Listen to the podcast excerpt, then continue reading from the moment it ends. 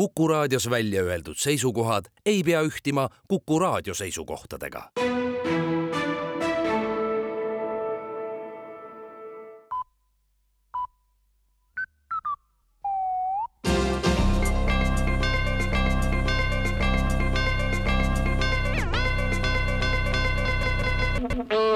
uudised on eetris ja stuudios Rohke Debelak valitsuse eilsel nõupidamisel otsustati, et kui õpetajate streik kestab kauem kui kuu aega, jagatakse õpetajate palgaraha lapsevanemate vahel ära, kes hakkavad siis ise oma lapsi õpetama kui ka koolimajad maha müüa, siis saab juba piisavalt rahalisi vahendeid, et kogu riik saaks minna koduõppele. ilma pedagoogideta koolisüsteem võib paista alguses võõras ja imelik, aga aja arenedes võib näha ka positiivseid arenguid, mis tingitud lastevanemate ja laste omavahelisest senisest tihedamast suhtlusest. PISA testi ei ole mõne aasta pärast enam muidugi mõtet teha, aga muus osas on asjad läinud valitsuse prognooside kohaselt ainult paremaks veel on valitsuses valmimisel maamaksu kõrval ka teatud juhtudel selle asemel taevamaksu kehtestamise seaduseelnõu. maa on ühel või teisel viisil ja määral olnud maksustatud pikemat aega, samas on maaomanikele seni olnud tasuta suur elutähtis ressurss ja selleks on taevas selle maa kohal, mille omanikuks ta on taevast tuleb palju vajalikku vihma, tuule ja päikeseenergia näol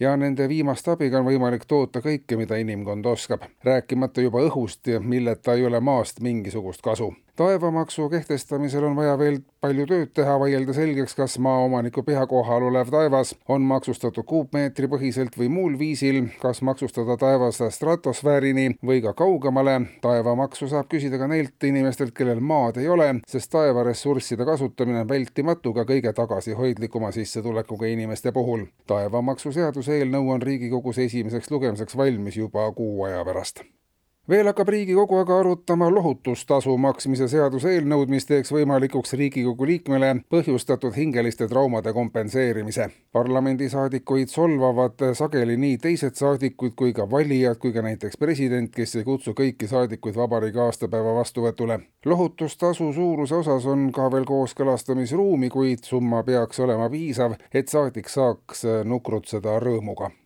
valitsuse tavaolukordade amet annab teada, et eile toimus viimaste aastate ulatuslikim kannatuse katkestus. kannatus katkes kell üheksateist kolmteist eile õhtul. ilma kannatuseta jäi suur osa Ida-Virumaast, Kagu-Eestist ja märkimisväärne osa Harjumaast. kogu öö kestnud jõupingutuste tulemusena suudeti kannatusega varustamine hommikuks taastada, nii et suurem osa inimestest ei märganudki, et neil vahepeal kannatusi ei olnud. valitsus palub edasiste võimalike kannatuskatkestuste ennetamiseks elanikkonnal kannatust varuda ja ka politseiteateid. eile kell kaksteist päeval helistas Põltsamaa politseile kohalik elanik Malle, kelle sõnul läks ta abikaasa Mati pikemale tööreisile, tuli aga ootamatult tagasi, on nüüd hoopis teine inimene olukorda igaks juhuks kontrollimas sõitnud operatiivtöötajad tegid kindlaks, et Malle juures olev meeskodanik ongi teine inimene, Mati osakonna juhataja. Malle ja teine inimene saavad koos olla veel kuni selle nädala lõpuni.